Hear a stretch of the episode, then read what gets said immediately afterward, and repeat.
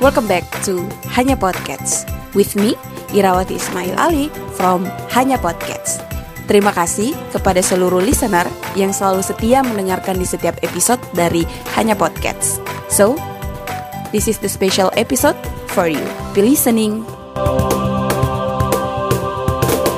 Assalamualaikum warahmatullahi wabarakatuh. Selamat pagi, selamat siang, selamat sore, dan selamat malam. Kapan pun kalian mendengarkan Hanya Podcast. Selamat datang kembali pada episode Hanya Podcast mengikuti hashtag 30 hari bersuara. Alhamdulillah udah day ke-6 ya teman-teman. So, hari ini kita akan membahas tentang perjumpaan. Happy listening! Perjumpaan Bicara mengenai perjumpaan adalah sebuah hal yang tentu kita akan temui dalam kehidupan di dunia. Bahkan mungkin istilah perjumpaan ini pun akan kita temui kelak di kehidupan setelah dunia. Jika kita mencoba untuk mendefinisikan kata dari perjumpaan ini, tentu kita akan menemukan bahwa Kata dasar dari perjumpaan itu adalah sebuah jumpa, yang mana istilah lain atau definisi dari perjumpaan itu sendiri adalah terjadinya sebuah pertemuan antara satu objek dengan objek yang lainnya. Bicara mengenai perjumpaan, ini konteksnya sangat banyak.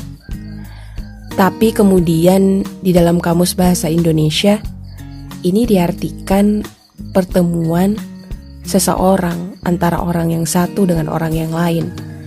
Cuman pada podcast ini kemudian saya mau menggunakan terma ini kepada seluruh hal yang akan kita temui atau yang akan kita jumpai dalam kehidupan kita di dunia ataupun kehidupan kita setelah di dunia ini kelak. Mungkin ketika kita bangun di pagi hari, Allah kemudian membangunkan kita dari tidur kita, memberikan kita kesempatan hidup kembali. Kita akan dipertemukan dengan mentari yang sangat indah. Orang-orang sering menyebutnya sunrise. Itu indah sekali, apalagi jika itu kita nikmati di dekat pantai atau kita menikmati sunrise di atas gunung. Jelas, indah, sinarnya sangat menawan. Sungguh itu adalah sebuah perjumpaan juga. Perjumpaan dengan mentari di pagi hari. Kemudian berjalannya waktu, kita akan berjumpa dengan hal-hal keseharian kita tentunya berjumpa dengan orang baru, berjumpa dengan rezeki kita, berjumpa dengan everything in your life. Dan seyogianya, perjumpaan di dunia itu sudah tertakar dan tak akan tertukar. Ini menarik jika kita bicara mengenai hal yang tertakar dan tak akan tertukar butuh ilmu keyakinan untuk memahami ini sebenarnya. Karena jika kita tidak yakin, maka sulit untuk memahami dan menerima dengan logis bahwa perjumpaan itu sudah tertakar dan tak akan tertukar. Mungkin teman-teman sering mendengar istilah atau sebuah tempat di mana Allah telah menuliskan seluruh takdir manusia. Ya bicara mengenai takdir, ada dua lagi ya teman-teman. Ada takdir yang bisa diubah dan takdir yang tak bisa diubah. Tapi untuk di sini pembahasannya bukan di situ ya. Tertakar dan tidak tertukar. Tempat itu adalah Lauful Mahfuz. Tempat di mana kemudian Allah telah mencatatkan atau menuliskan seluruh takdir manusia, bahkan jauh sebelum ia diciptakan. Bahkan menurut para ulama, contoh nih misal pertemuan kita atau perjumpaan kita dengan jodoh, itu sudah dituliskan 50 ribu tahun sebelum kita diciptakan.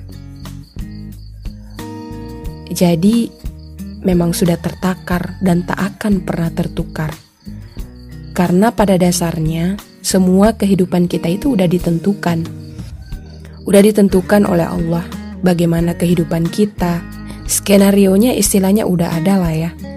Kalau diibaratkan sebuah film,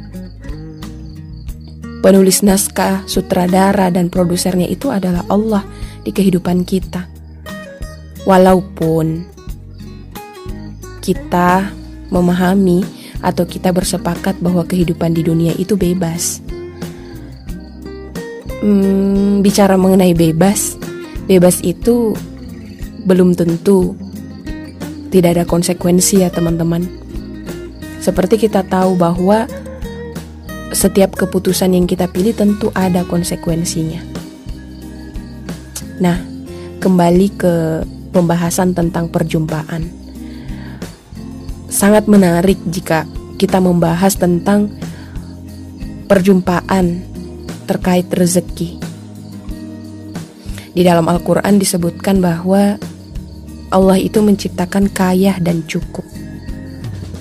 Dan Allah itu telah menakar dan menetapkan kadar rezeki kita, sehingga tidak mungkin akan tertukar.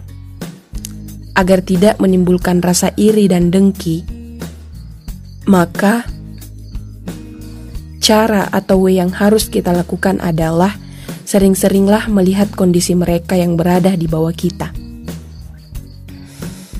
Ya, ini pasti sering banget kan kita temui nasihat dari orang tua kita, jangan terlalu melihat ke atas. Lihatlah ke bawah. Bahkan ada istilah, jika kita menjadi orang yang berilmu, maka bersifatlah seperti padi. Semakin berisi, semakin merunduk. Dan ini adalah filosofi-filosofi hidup yang kemudian sudah diajarkan jauh-jauh hari dalam Al-Quran tentunya. Ya, di dunia ini kita pasti akan banyak menemukan orang-orang yang kondisi ekonominya mungkin di bawah kita. Apalagi di tengah pandemi ini ya. Jangan pernah melihat ke atas. Karena kita akan merasa selalu kurang. Tapi lihatlah ke bawah maka itu adalah cara untuk kita bersyukur atas setiap perjumpaan-perjumpaan yang kita jumpai di dunia ini. Selain daripada rezeki teman-teman, misal nih di suatu hari kita ditakdirkan ditimpa musibah. Pasti di sana ada orang yang diuji dengan musibah yang lebih dahsyat daripada kita.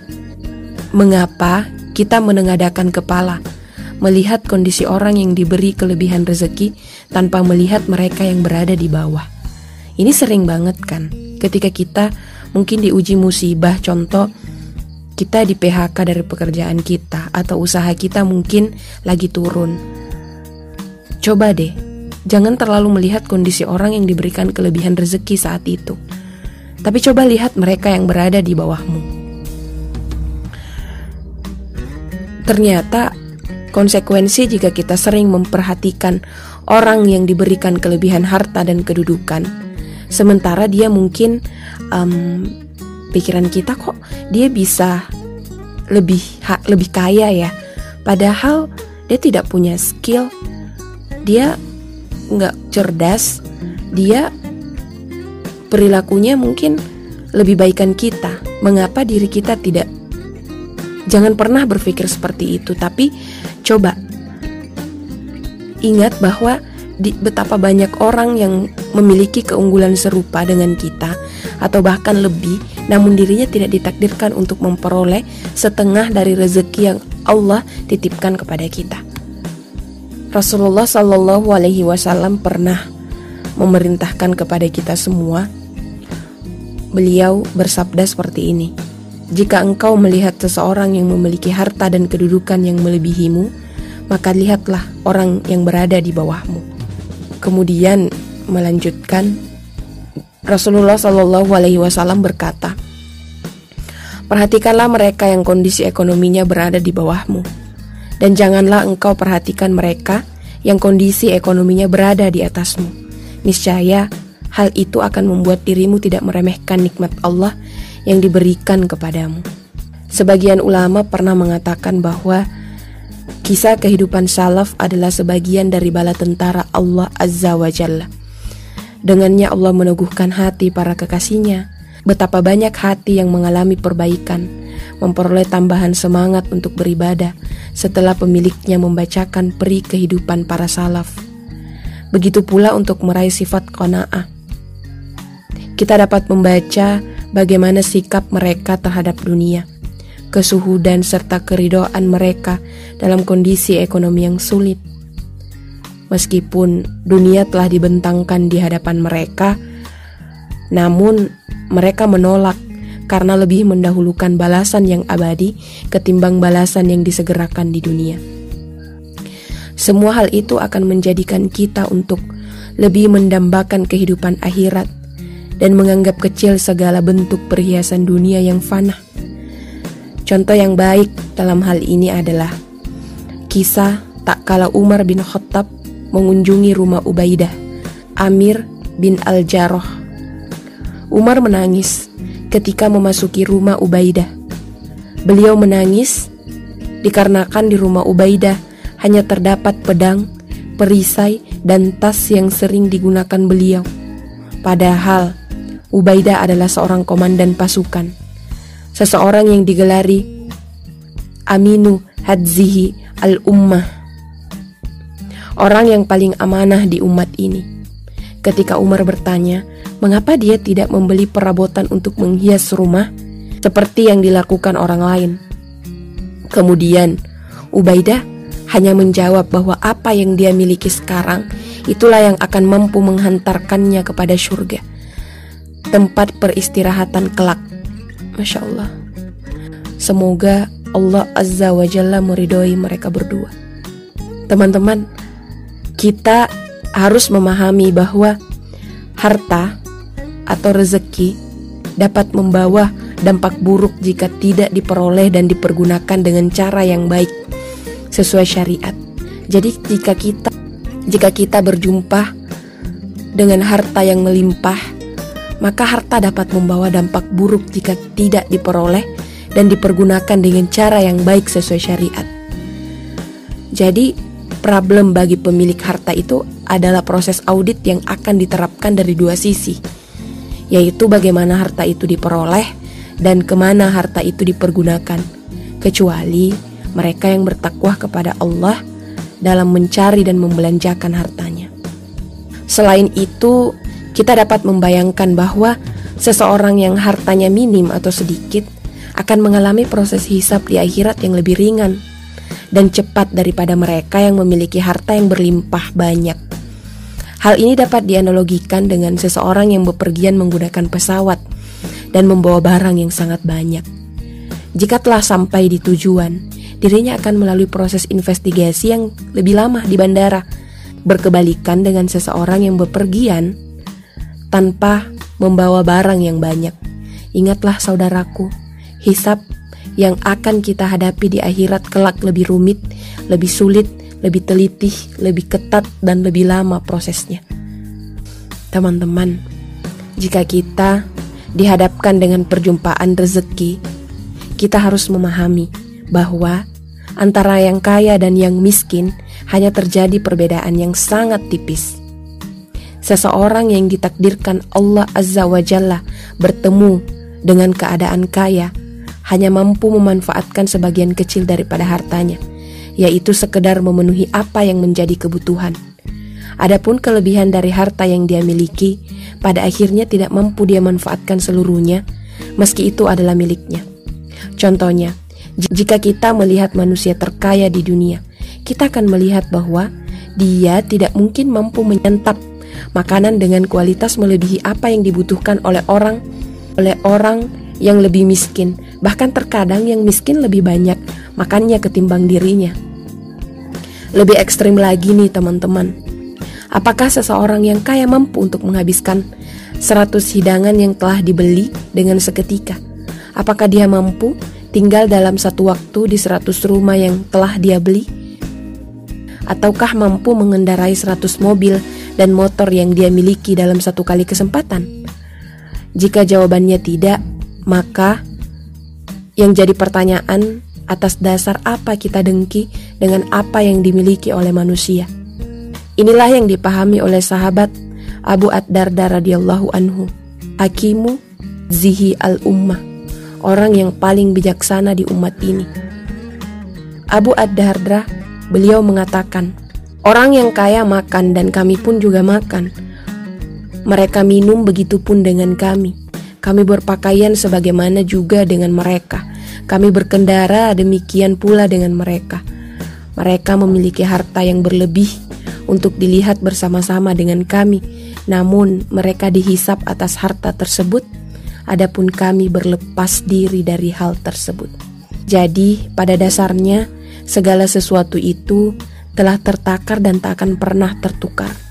Soal rezeki, soal jodoh, soal kematian, itu semua sudah memiliki takaran terbaik di setiap perjumpaan yang akan kita jumpai dalam kehidupan kita, maka itu sudah ditakar dan tidak akan tertukar.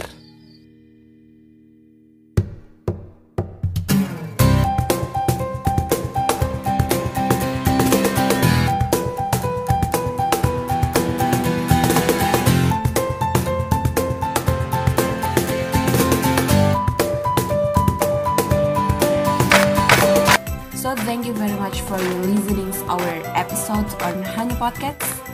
See you on the next episode and let's speak up.